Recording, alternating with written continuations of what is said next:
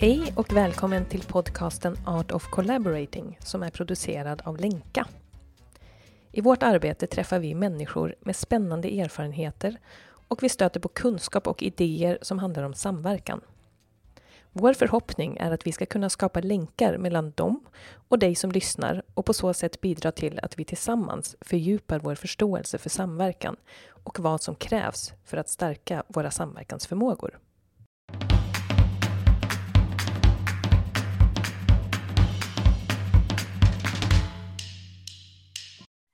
Välkommen Jan Torers.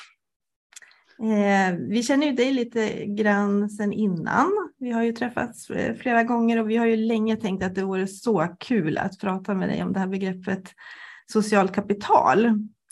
Eh, och eh, vad, vad, vi vet så har du ju länge intresserat dig för det här begreppet och jag vet, jag vet att du har ju jobbat också länge på eh, SKR, Sveriges kommuner och, och regioner och du har ju också skrivit böcker om det här ämnet, bland annat en bok om tillit och tolerans och du har ju också en blogg som heter Socialt kapital.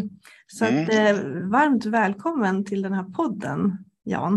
Ja, stort tack för att ni bjöd in mig. Det, eh, jag tycker verkligen det är kul att få vara med i eh, er podd, eh, så att det, det ska bli jättekul det här tycker jag. Ja, vad roligt. Och eh, nu, nu fick jag precis lära mig att vi ska kalla dig för Janne också. eh, ja. eh, så Janne, vad skulle du, om du skulle berätta någonting annat för våra lyssnare om dig, eller vad som du tycker är viktigt för dem att veta om dig, vad skulle det vara? Ja, eh, lite om min bakgrund då. Det kanske hörs att jag kom från Närke. Jag är född i Örebro då och jag har en bakgrund som statistiker så jag jobbar ganska länge på SCB i Örebro då. Men sen kom jag till eh, SKR år 2000 eller Svenska kommunförbundet som det hette då. Och där har jag jobbat med frågor som rör eh, lokal utveckling och eh, på senare år framför allt har jag jobbat med företagsklimatet i kommunerna. Mm. Men jag har också varit involverad i en rad framtidsanalyser som eh, SKR har gjort. Mm. Och eh, som sagt, eh, ni nämnde ju det här att jag skrivit en del böcker. Jag, jag hittade tidigt, tidigt en väldigt bra samarbetspartner som hette Arena för tillväxt. De finns inte längre, men det var en organisation som var knuten till SKR. Mm. Och jag skrev en hel del rapporter rapporter eh, för Arena för tillväxt. I början var det ju mer lite statistikbaserade rapporter som handlade om pendling och så.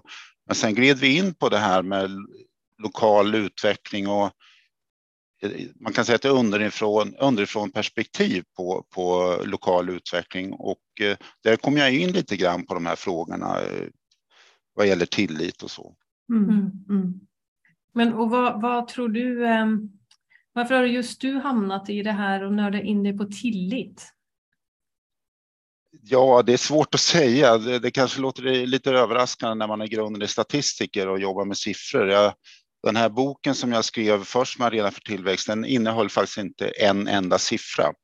Så mm. det, var, det var kanske lite överraskande. Men om jag ska säga bakgrunden till att jag blev intresserad av det här så är det nog eh, jag var med i ett framtidsprojekt här i början på 2000-talet som SKR eh, stod för då, eller mm. Svenska kommunförbundet som det hette då.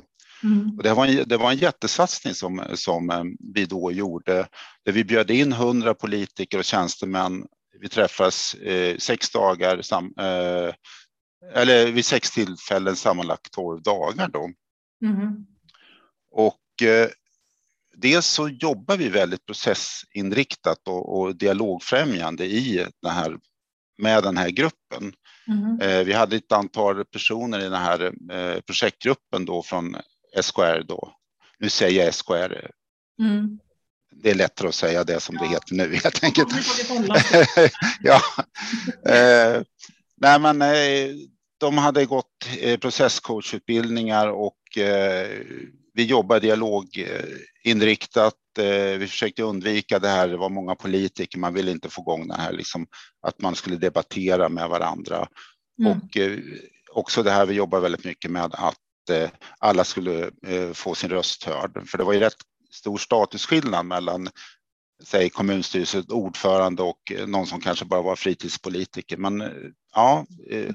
det här funkar väldigt bra och vi fick väldigt goda recensioner efteråt mm. för det här framtidsprojektet. Framför allt för själva arbetssättet. Mm. Men sen hade vi också ett ord som vi introducerade, det var medskaparanda. Mm. Och eh, vi, vi, eh, vi höll väl på och, och eh, lite grann fundera kring definitionen. Det var någonting vi förstod var viktigt det här. Eh, och vi försökte definiera det på ett bra sätt och så. Men det var egentligen först efteråt, efter det här framtidsprojektet var klart, som eh, då jag läste den här boken som Robert Putnam har skrivit, som är lite av en gur inom området. Mm. Den ensamma bovraren. Och det var då jag liksom förstod att det här vi försökte fånga i det här framtidsprojektet med det här begreppet medskaparanda, det var nog egentligen socialt kapital. Mm. Mm. Där, där någonstans eh, vaknade intresset. Mm. Ja, vad spännande. Vilken bra inledning tycker jag. För det är ju liksom där man, man är med om någonting och sen så får man i efterhand ett begrepp för det. Ja. Som gör att man får, ja, kan liksom gräva vidare den förståelsen på något sätt. Ja. ja. Verkligen intressant. Och Janne, det brukar ju vara så att vi gör faktiskt en check-in på våra poddsamtal också, bara för att eh, få in alla perspektiv i samtalet. Mm. Och då tänkte jag ställa frågan bara så här, ja men eh, vad är du riktigt nyfiken på i det här samtalet? Så att jag börjar med dig Caroline. Eh, ja, jag, jag, är, jag har ju börjat titta på dina eh, blogginlägg, Janne. Då. och, eh, så jag, är nyf jag har lite sådana där små eh, vad ska man säga, frågor kopplat till det. Så nu tänker jag att jag säger inte dem just nu, utan vi får komma in på dem sen. Men jag har... Eh, ja, jag, jag är Ja, nu, nu kan jag då inte säga dem. Så att jag får... ja, och det gör ju oss andra ännu mer nyfikna. Ja, eller hur? Ja, så att, eh, vi får ta ja. dem. Mm. Men och Janne, vad blir du riktigt nyfiken på i det här samtalet? Alltså jag har ju följt er också. Jag har ju läst er bok, eh, den här eh, Att lyckas leda i samverkan, då, som jag tycker är väldigt bra. Eh, mm. Och, och det är ju just eh, de här kopplingarna mellan tillit och samverkan som, som ni skriver om och som jag liksom också eh, funderar kring. Jag, det här med samverkan är ju någonting jag eh, kom ungefär samtidigt som tilliten, att, att man någonstans förstod att det här med samverkan är någonting väldigt viktigt för att få ett samhälle att utvecklas och och det var väl lite också från det här framtidsprojektet att, att vi lyckas så bra med det. Mm. Eh, och vad var det som gjorde att man lyckas så bra eh, som, ja, mm. mm. som ingången i det hela? Eh, och jag tycker ni beskriver det här väldigt bra i boken också. Mm. Mm. mm. Eh, och ja, jag, jag är också intresserad av den här kopplingen egentligen mellan samverkan och socialt kapital och ehm, Ja men precis, liksom vad, vad är det som gör, vad är det som förstärker liksom det här sociala kapitalet och, och vad kan vi göra liksom för att få till eh, tillitsfulla medskapande klimat eller vad, vad, vi nu, vi kommer ju gå in på det här begreppet men, men ja, kanske lite grann vad, vad är det vi kan göra för att stärka mm. det hela? För att jag tänker ju att någonstans är det ju väldigt viktigt eh, på olika sätt att, att man har eh, ja, ett, ett bra socialt kapital på olika nivåer i ett samhälle. Men vad kan ja. göra? Så det vill jag väldigt nyfiken på. Det, det som lite grann kanske skiljer oss det är ju att jag kanske funderar mer på det här med tillit till socialt kapital ur en mer övergripande nivå. Mm. Alltså liksom vad är det som skapar tillit till socialt kapital för en plats, för en mm. kommun, för ett land. Eh, medan ni då eh, är mer inne på det här hur man får en arbetsplats, ett team att fungera på ett bra sätt. Mm. Ja, eller, eller en samverkansprocess mellan mm, mm.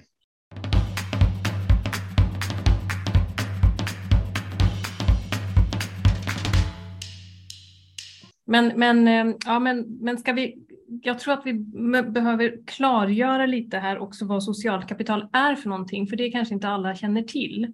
Så att vi kanske bara börjar med eh, hur, hur kan man definiera socialt kapital? Eller hur skulle du beskriva det, Janne? Forskarna är inte riktigt överens om det här, så det, det, är inte, det, det finns lite olika ingångar på det här. Mm. Um, men ibland brukar man prata om fyra kapitalsorter eller resurser. Att man har eh, naturresurser, man har skapade resurser eh, som eh, ja, det är infrastruktur och fastigheter och även pengar ingår här. Mm. Och sen har man mänskliga resurser som kompetens, erfarenhet, kunskap och så. Och sist men inte minst så är de mellanmänskliga resurserna. Mm. Och det är det som är det sociala kapitalet. Och det, och det, man kan säga att det är hur väl människor samspelar med varandra och hur väl människor lyckas organisera sina samhällen. Mm, mm. Eh, det är socialt kapital. Mm. Men sen kan man definiera på andra sätt att Robert Putnam då som jag nämnde, den här gurun då, ehm, han definierar lite mer forskningsaktigt formellt då att det är tillit, nätverk och normer som kan förbättra samhällseffektiviteten genom att underlätta samordnade operationer. Mm. Mm. Och det är lite samma sak som jag sa fast på ett annat sätt. Det här att ja, hur väl man samspelar med varandra och hur väl man lyckas organisera sina samhällen egentligen. Mm. Men om man, om man bara tittar på de första eh, orden där i den definitionen så är det ju tillit då som är väldigt grundläggande beståndsdel för det sociala kapitalet. Ofta brukar man nästan sätta likhetstecken mellan de båda, men riktigt så är det inte. Mm. Sen har vi det här med nätverk. Och det, det, är ju naturligtvis viktigt på individuell nivå, att det är bra för mig som individ om jag har bra nätverk och känner många personer, eller har en del väldigt nära vänner och så. Mm. Men här handlar det kanske snarare om, om hur de här nätverken ser ut på mer övergripande nivå. Är det mer inbundna nätverk, eh, alltså träffar vi mestadels personer som tänker och tycker ungefär lika som vi själva gör? Mm. Eller är de mer överbryggande?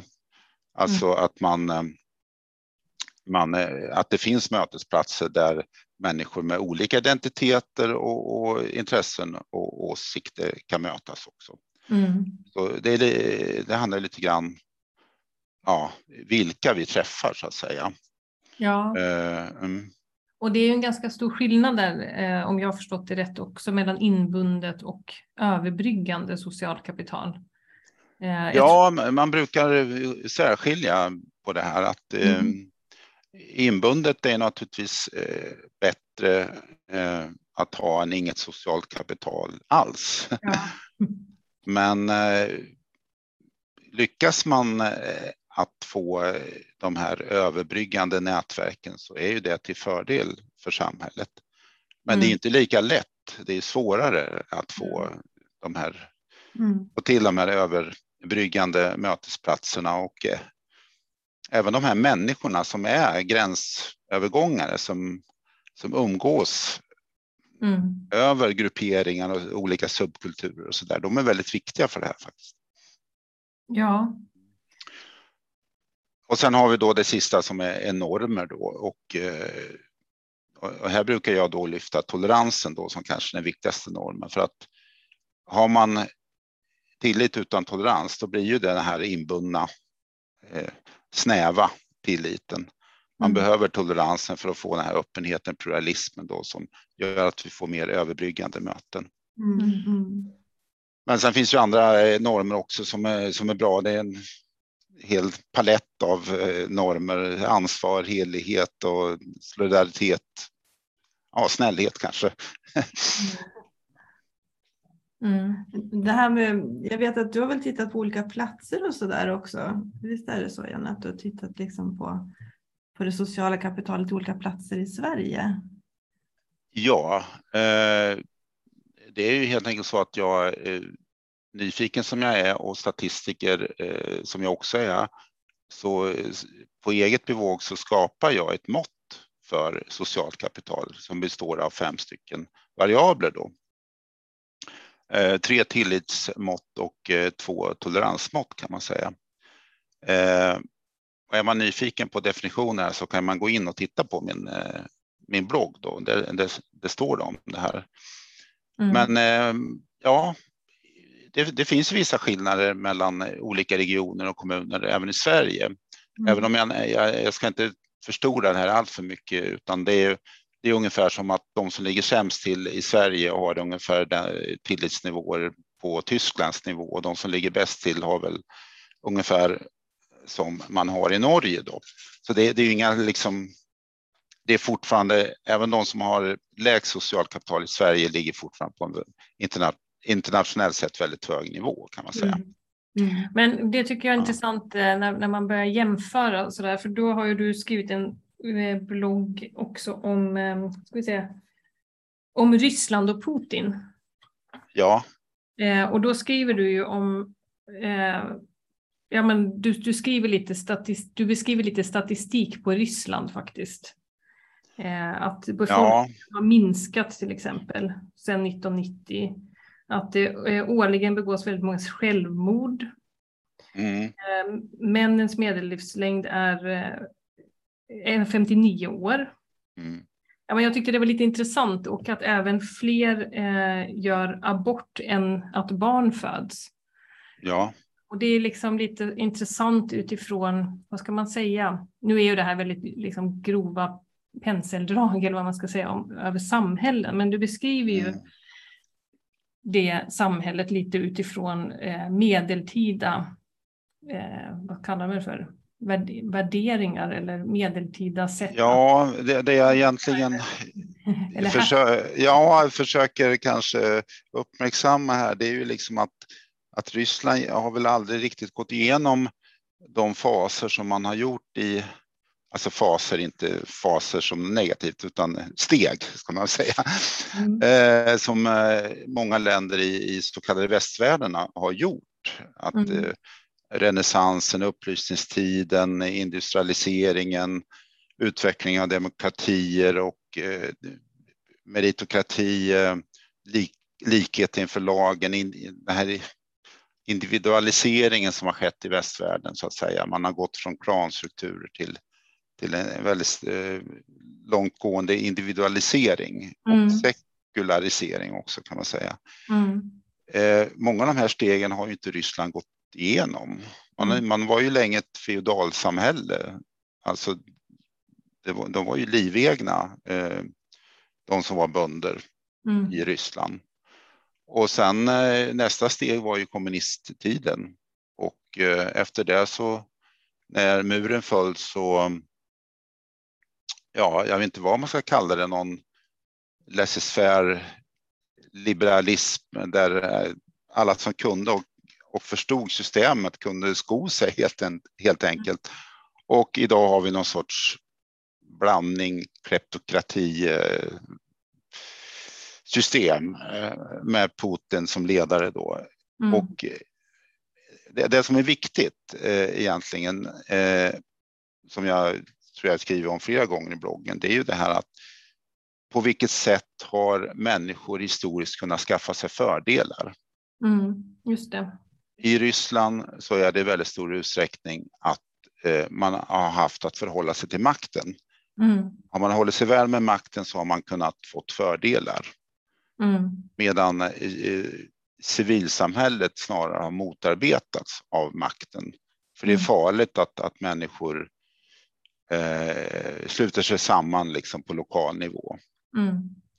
Medan i västvärlden så, så var det ett antal saker som hände historiskt som gjorde att man, man kunde gå från de här klanstrukturerna eh, till eh, mer man börjar kunna eh, samarbeta lokalt. Alltså platsen blir viktig, inte familjen. Mm. Eller yrkesskrån blir viktiga. Man gick ifrån det här med klaner. Mm. Och det här mm. gjorde att man började samarbeta horisontellt. Mm. Man drog fördelar genom att eh, samarbeta med varandra mm. på platsen och bygga upp liksom civilsamhällen. Mm. Och det här har ju varit en, en fantastisk framgångsfaktor skulle jag vilja säga.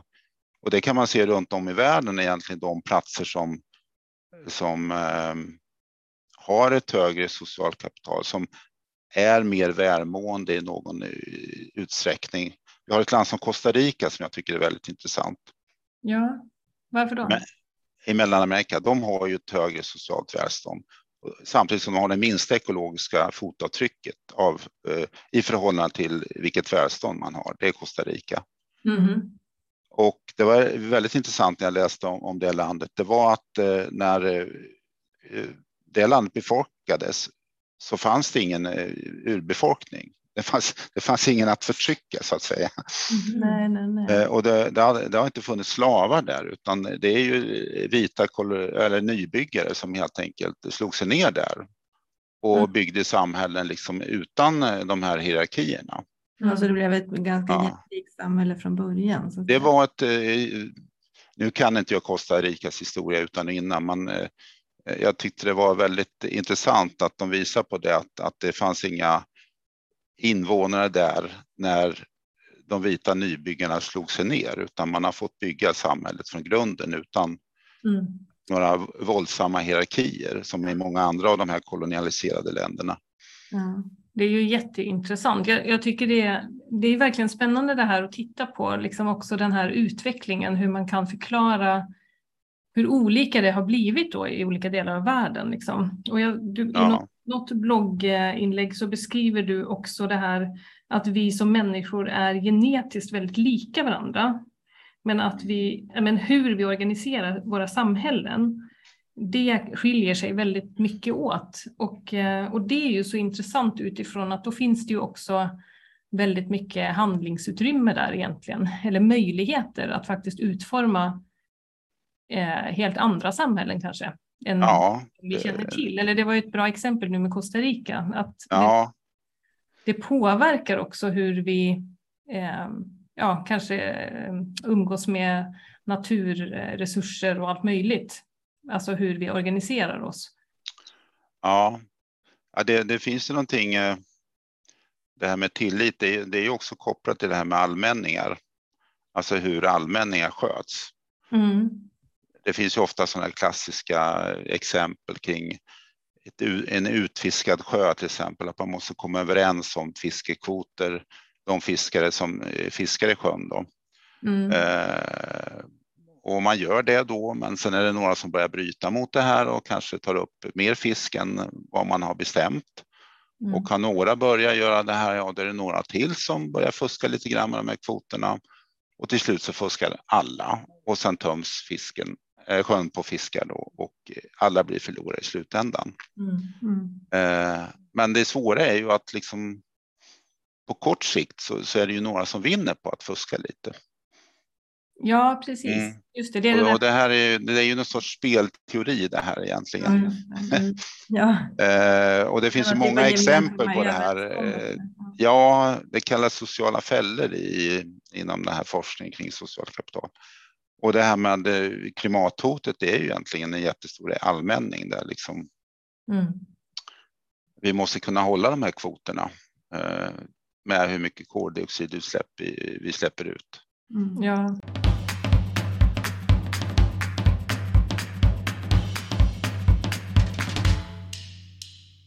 Du lyssnar på Art of Collaborating, en podd som vill utforska och sprida kunskap om samverkan. Vi tror att samverkan är ett avgörande arbetssätt idag, som dessutom kräver särskilda förmågor. Vi på Länka utbildar i samverkan och stöttar med rådgivning och processledning i samverkansprocesser. Gå in på www.lankaconsulting.se om du vill veta mer.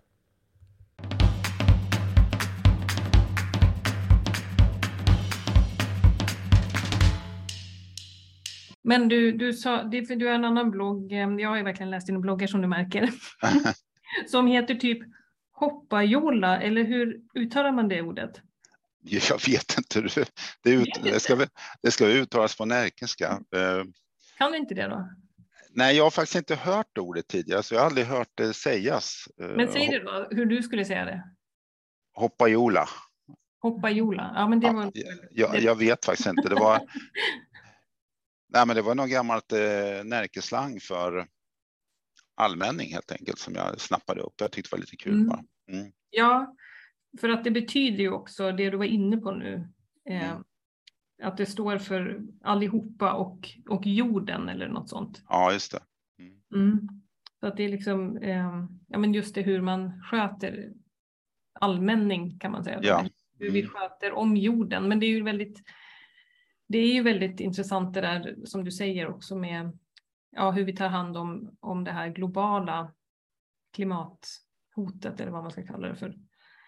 Eh. Ja, det, det är ju en jorden är ju vår största allmänning på något sätt. Ja. Men, men då är något annat som, som du också är inne på någonstans, det här med vi och dem. Att, att eh, om det krävs ett dom för att få ett starkt vi. Jag tror mm. att du jämför med sådana här filmer med liksom jorden, om jorden attackeras av någon utomjording eller, eller något eh, hemskt. Ja. Då, då kan helt plötsligt eh, i de här Hollywoodfilmerna så kan alla liksom enas på något sätt, alla länder, även Ryssland. Ja, ja. ja det var väl ett mer skämtsamt exempel jag, jag tror jag tog upp. Ja. Eh, ska väl inte ta eh, det så allvarligt kanske, men eh, jo, men eh, det är väl, jag är ju intresserad mig för, för historia rätt mycket på sistone och även liksom eh, evolutionära historien. Eh, och läst den här Joel Noah Harris som har skrivit en del böcker om, om människans historia och så här. Och eh, det här med vi och dem, det är ju, det är ju någonting liksom som vi nästan har med oss från genetiskt. Mm. Så det, det, tyvärr är det så. Det är liksom, eh, vi har väldigt lätt att samarbeta och eh, eh hjälpa varandra inom en grupp Mm. Eh, men eh, ofta det här starka viet, att det krävs nästan ett dom för att skapa ett starkt vi.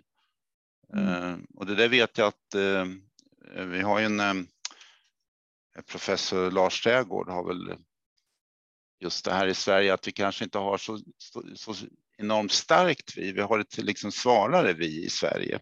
Att det kanske fungerar bättre då om det inte är den här jättestarka viet där man blandar in heder och eh, sådana saker i, i liksom mm. viet. Mm.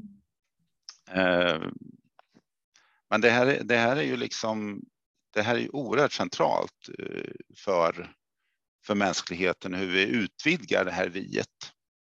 Men är det då att det går från det här inbundna då, sociala kapitalet till ja. överbryggande socialt kapital? Att man liksom... Ja, det, det, är ju, det är ju det som behövs. Eh, sen finns ju alltså, den här Johan Noah Harris nämner ju saker som faktiskt har påverkat just det här utvidgandet av viet, eh, som religion till exempel. De här stora religionerna har gjort det liksom, mm. man känner samhörighet med, med fler människor.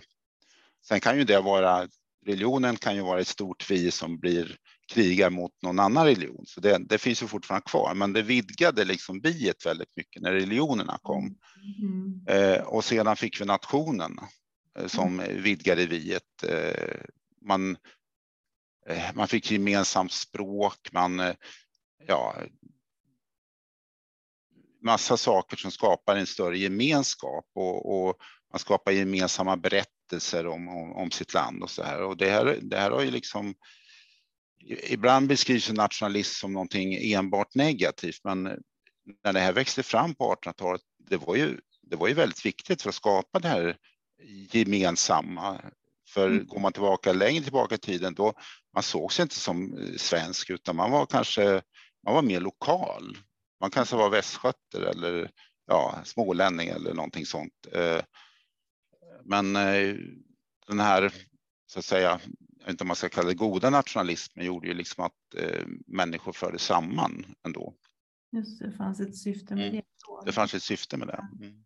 Men, vad tänker du idag då, Janne, om du liksom är runt och pratar nu, du sa innan att det var ju mer innan pandemin kanske som du var mm, mm. frågorna, men vad är det för typ av liksom dialoger som väcks eller vad, eh, vad, vad, vad, kan det samtalet om socialt kapital liksom eh, generera för typ av samtal? Ja, det, det var ju ett tag sedan jag var ute nu. Det var ju före pandemin och eh, det här kan ju leda till eh, väldigt många olika typer av eh, samtal. Eh, det beror ju på lite grann, eh, för det blir ju de, de, när jag är ute och pratar så kan det vara lite olika, ofta är det i kommunen, men det kan vara andra organisationer också. Uh, och det kan ju, det är lite grann vad de är ute efter, liksom vad, vad, det, vad det är de vill att jag ska prata om. Uh, mm. Um, vad kan men, vara men, liksom diskussioner eller liksom frågeställningar som man vill ställa sig? Ja, det, vad gäller kommuner så är det naturligtvis, eh, ja men hur, hur skapar vi socialt kapital här i vår kommun? Mm. Eh, vad, vad, vad, ska vi göra? För att det är väl det som jag tror många, eh, Eh, man beskriver vad det här är och jag tror många intuitivt förstår att det här är nog eh, någonting viktigt. Eh, ibland brukar jag jämföra med liksom, när man började prata om hållbar utveckling på 90-talet. Man, man, man liksom förstod att det här, är, det här är någonting viktigt och, och bra så att säga, men man, man hade lite, fortfarande lite svårt att förhålla sig till det. Ja, men hur gör man då? Hur skapar man hållbar utveckling? Jag tycker det är lite grann så med socialt kapital också. Man, man får lite nyfikna frågor kring liksom, ja, men på den lokala nivån, vad, vad ska man göra då? Så, mm. det, så det, det, det är väl det vanligaste skulle jag vilja säga. Ja. Är, finns det några svar där? Jag antar att det är väldigt komplext, men är det någonting som, som brukar lyftas där liksom för att också jobba med de här frågorna? Du, du var inne på att vi kanske ja. är huret och du tittar på. Ja, det beror på. Eftersom jag jobbar på SKR då så blir det liksom vad, vad, vad kommunen som funktion. Liksom. Sen kan ju människor i kommunen göra massa saker för att stärka sociala kapitalet. Det är ju liksom jag tror jag i bloggen så räknar jag upp 50 saker som ja, väldigt eh, på individnivå vad man kan göra liksom för att eh, stärka tilliten. Men eh, vad gäller kommuner så, så handlar det om, om eh, till exempel det här med, med myndighetsutövning. Eh, Kommunen ansvarar ju för bygglov och alkoholtillstånd och miljötillsyn och en rad andra sådana saker. Och det här är ju när forskaren Bo Rothstein som brukar nämna det ganska mycket, att vi, vi påverkas ganska mycket av eh, hur vi känner oss bemötta av personer i maktutövande ställning. Mm. Det kan ju vara så här eh, bygglovshandläggare eller handläggare, det kan, vara, det kan också vara läkare och lärare och eh, kanske även privata företag som banker och försäkringsbolag. Och så Hur vi känner oss bemötta i, mm. i, i de här mötena. Eh, känner vi oss orättvist behandlade och kränkta på något sätt så slår det här ganska hårt mm. eh, på tilliten. För att det blir inte bara den här enskilda handläggaren som man blir arg på, utan man blir arg på kommunen. Mm. Och i värsta fall så blir man arg på hela samhället. Mm. Eh, så att det här är, det är viktigare än man tror, det här med eh, hur vi helt enkelt mm. möter och behandlar varandra. Så att säga, eller? Ja, alltså det här när man har inte någon annan att vända sig till när det gäller myndighetsärenden till exempel. Mm, mm. Och att det här fungerar på ett bra sätt. Och det är, det är ju ofta det här som är problemet i många länder med liksom korruption och nepotism och sådana saker. Nu har vi ju inte så jättestora sådana problem i, i Sverige, utan det, finns väl en viss mått av vänskapskorruption och så där. Men, eh, men, men även om, om, om så att säga, lagstiftningen eh, följs och allting är korrekt ur kommunens sida så är ändå de här mötena väldigt viktiga. Mm. Eh, så det är väl en sak. Och sen, sen ansvarar ju kommunen, eh, man är ju arbetsgivare. Det är ju jätteviktigt att vara en, en bra arbetsgivare. Skolorna är ju oerhört viktiga också. Just utbildning är ju en av de saker som skapar en, en, en högre tillit. Mm. Eh, så att ehm, Ja, nu tänker jag också väldigt mycket på det här som vi jobbar mycket med, då, med, med olika mm. samverkansprocesser. För de, ja, de ja. har ju verkligen tillit i bästa fall. Eller det, för de tvingar ju fram de här horisontella eh, samarbeten ja. också och gränsöverskridande samarbeten mellan olika institutioner och, och liksom Absolut. Och, då, och det är ju inte så lätt heller att göra det. Eller liksom, Nej krävs det ganska mycket av de personerna som då är med i den här samverkan.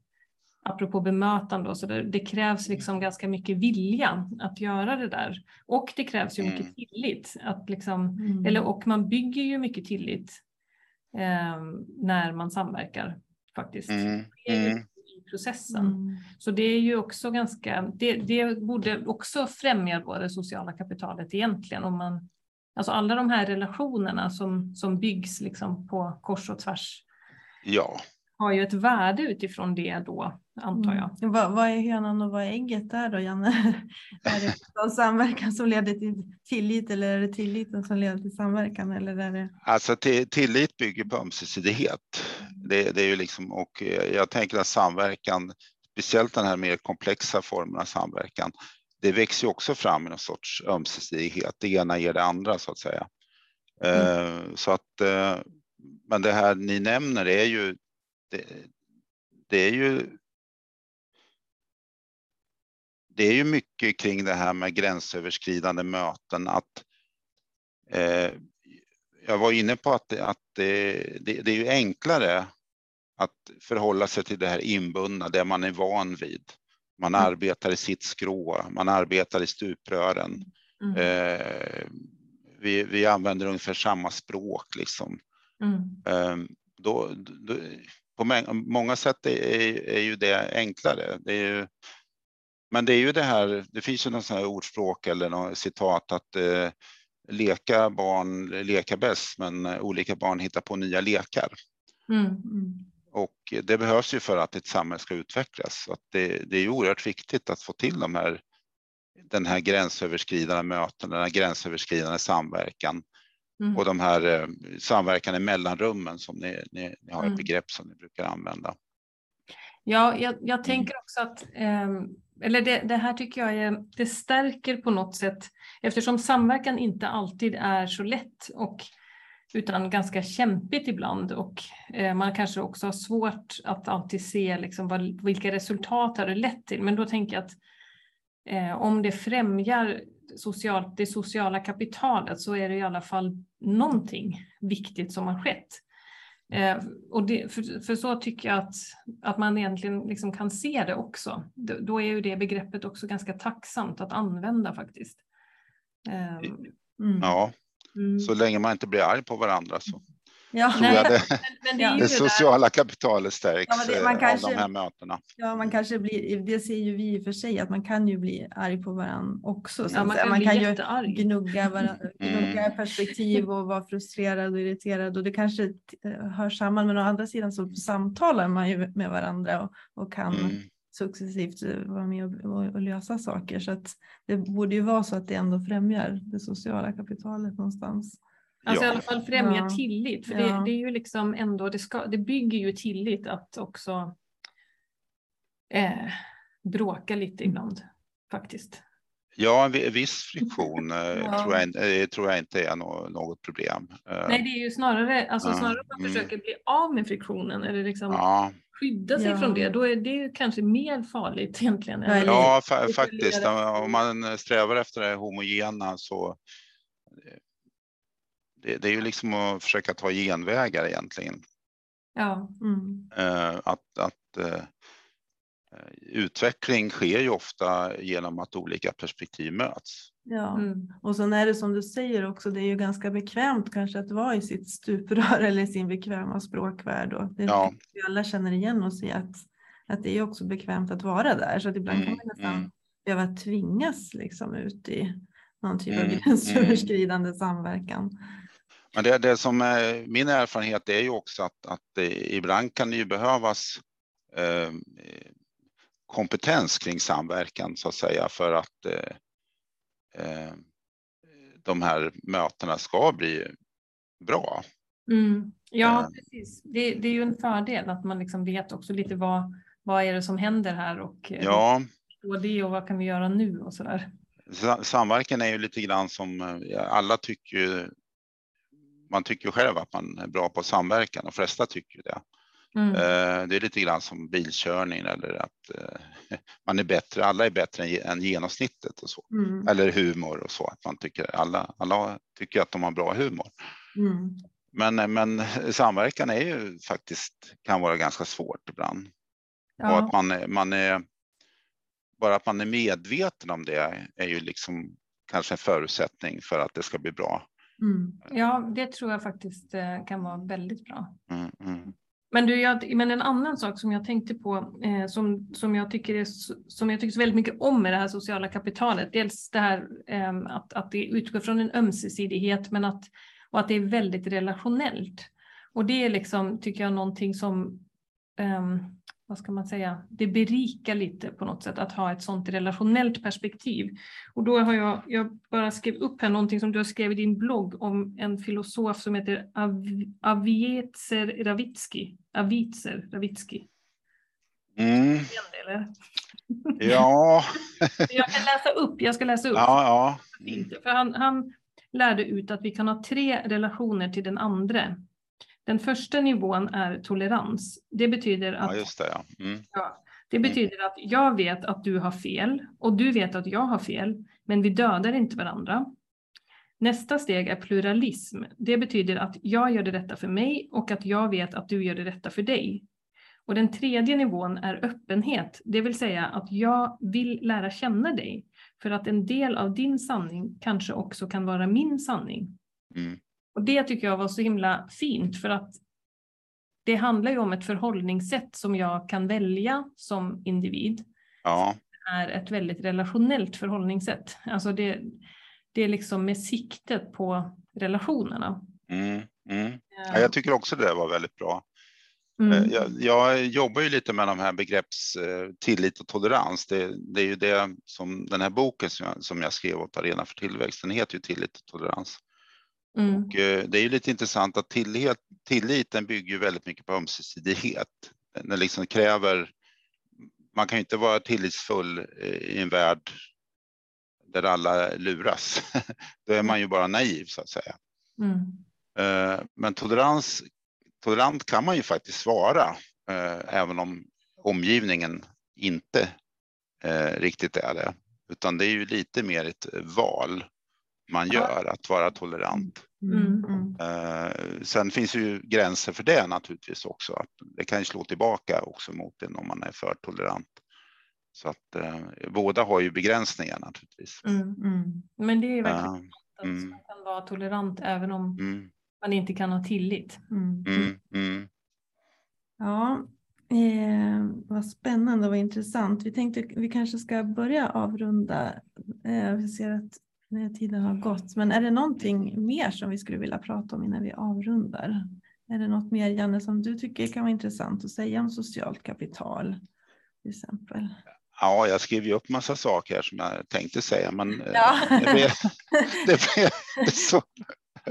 Men det någonting, någonting som jag tycker är intressant, som jag tycker är värt att poängtera, det är ju det här med att eh, det här är ju en platsbunden resurs.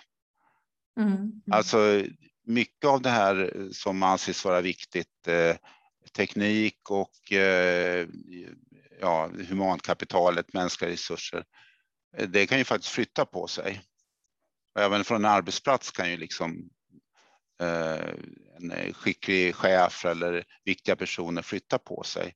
Men har man lyckats skapa en, en, en, en bra kultur, en bra samhällsanda, liksom en bra Mm. eh, ett högt socialt kapital eller tillit på en arbetsplats. Mm. Så, så den tar man inte bara med sig utan den finns ju kvar. Mm.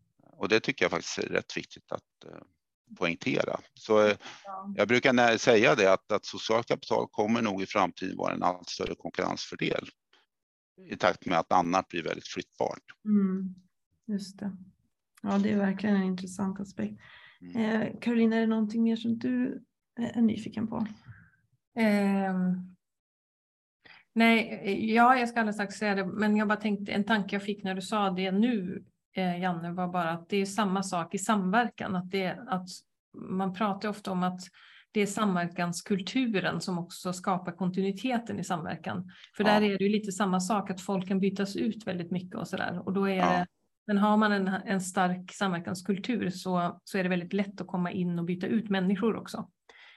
Det, Eh, det, det tangerar ju varandra, det här liksom Mm. tillit och en bra samverkanskultur. Det, Mm. det är ju liksom same same but different. Mm. Ja.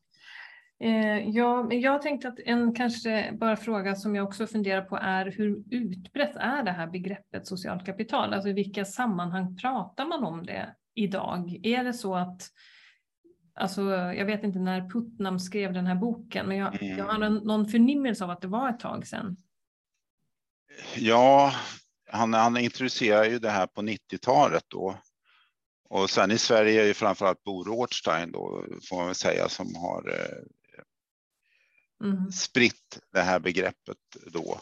Mm. Eh, sen, sen, tycker jag ju det, det används ju så, men ibland använder man lite andra begrepp eh, så att säga.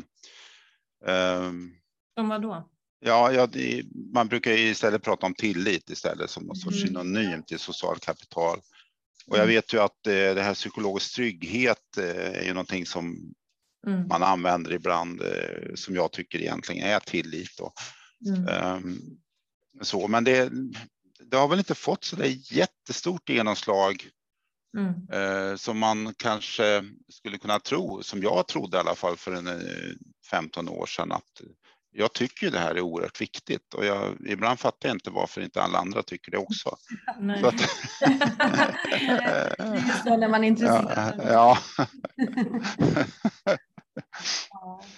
Du så då? Att, mm. Ja, nej men, jag, men det, jag, jag, är rädd för att det kan vara en lång diskussion. För jag tyck, det var någonstans jag läste också om det här med liksom den här komplexa föränderliga omvärlden hela, som vi ju är en del av med pandemier och krig. Och, ja, det händer ju saker hela tiden. Och hur viktigt blir det sociala kapitalet då? Eh, och det kan man ju tänka sig att det blir väldigt viktigt. Eh, men har du något så lite kortare resonemang kring det, Janne? Ja, det, det, det tyckte jag var en lite svår fråga. Det, ja. Alltså, eh, alltså om, om, världen blir, om världen blir otrygg, eh, ja. då har vi en tendens att liksom dra oss inåt så att säga. Vi, vi, om man blir otrygga så, så är man kanske inte lika öppen för att eh, möta människor över andra gränser och så där, vara mm. gränsöverskridare, utan man, det är nog så att eh, Eh, krig i eh, ens närhet gör att man sluter sig lite grann. Mm. Ja, precis. Och ja. att jag tänker att det här med resiliens kanske också. Jag, jag tänkte på just ja, men pandemier och nej, men sådana där chocker ja. som samhället. Att det är klart att då hjälper väl också den här liksom sociala kapitalet och tilliten oss att också eh, ja, lösa saker tillsammans. Jo, men det, det, det är faktiskt det någonting jag bara liksom, eh, när jag bläddrar igenom lite grann inför den här eh, podden då, så såg jag att eh, någon hade gjort någon undersökning efter den här finanskrisen som var i slutet på 00-talet då. Och att länder som hade ett högt socialt kapital då det blev inte så negativt för de länderna för att man gick samman och hjälpte varandra. Mm. Mm. det kan ju bli den reaktionen att, att eh, ja, men nu, nu är vi i en kris, nu måste vi gå samman och nu måste vi jobba för att det här ska bli bättre. Och eh, ja, ja, så att det, det, det, är väl det här som du nämnde, resiliens då, som, som mm. träder in då. Att eh, samhällen som har ett högre socialt kapital har lättare att eh, eh, engagera människor liksom så att eh, eh man eh, ja, man hittar till varandra och gör saker som, som gör att landet kommer på rätt spår igen, eller vad man ska säga. Ja, precis. Och det kanske Med, ja, medan andra länder då hade, hade svårare för det här. De, de lyckas inte med det här, utan då blir det blir snarare liksom motsättningar mellan eh, människor. Mm. Men ska ja. vi ta och eh, checka ut då från det här samtalet? Mm. Eh, vad, vad, tar vi med oss från det här samtalet? Eh, Carolina, vad tar du med dig?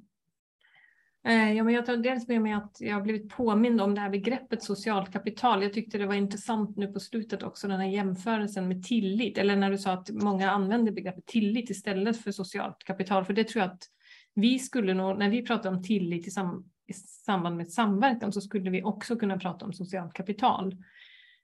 Eh, och jag tycker det är ett ganska härligt begrepp för att det liksom mm, det, det, det, det, spelar ju ingen roll vem det är då i det här lokala eller regionala sammanhanget som, som, eh, som bidrar till det sociala kapitalet. Det är ju alltid bra på något sätt.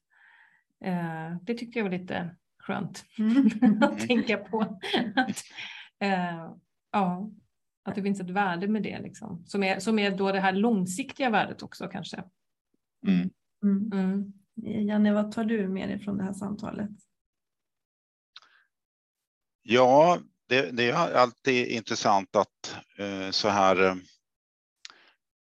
på det här sättet att få eh, det tar ju det tar kanske inte den vägen som det riktigt man tänkt från början, utan det tar ju lite olika spår och ingångar i det här. Så mm. att eh, jag, jag, tycker det här var väldigt intressant upplevelse faktiskt. Eh, att få vara med i den här podden. Jag har inte varit med i någon podd tidigare, så att det var första gången och eh, jag tyckte det här var väldigt kul faktiskt. Ja, vad roligt. Mm. Eh, ja, men jag tyckte också det var väldigt roligt och väldigt intressant. Jag, jag känner så här, ja, men dels väldigt bra begrepp och sen ja, men vikten av social kapital såklart. Att det är ju, känns ju oerhört viktigt på väldigt olika nivåer i det lokala sammanhanget och internationellt. Och, ja, man kan ju titta på det utifrån olika mm. geografier och platser. Eh, och eh, ja, nej, men också samtalet kring det. det är lite, jag är lite nyfiken på hur man kan prata om det här på olika sätt framåt. Eh, så att, eh, ja, nej, men tack så jättemycket. Jag har blivit ännu mer nyfiken på begrepp. Ja. Så tack Vad så bra. ja. ja, tack själva.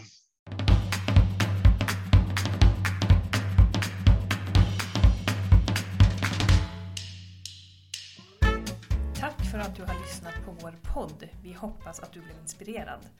Om du vill veta mer om hur vi arbetar med samverkan kan du gå in på www.lankaconsulting.se. Där hittar du mer information om våra utbildningar, våra tjänster och våra publikationer.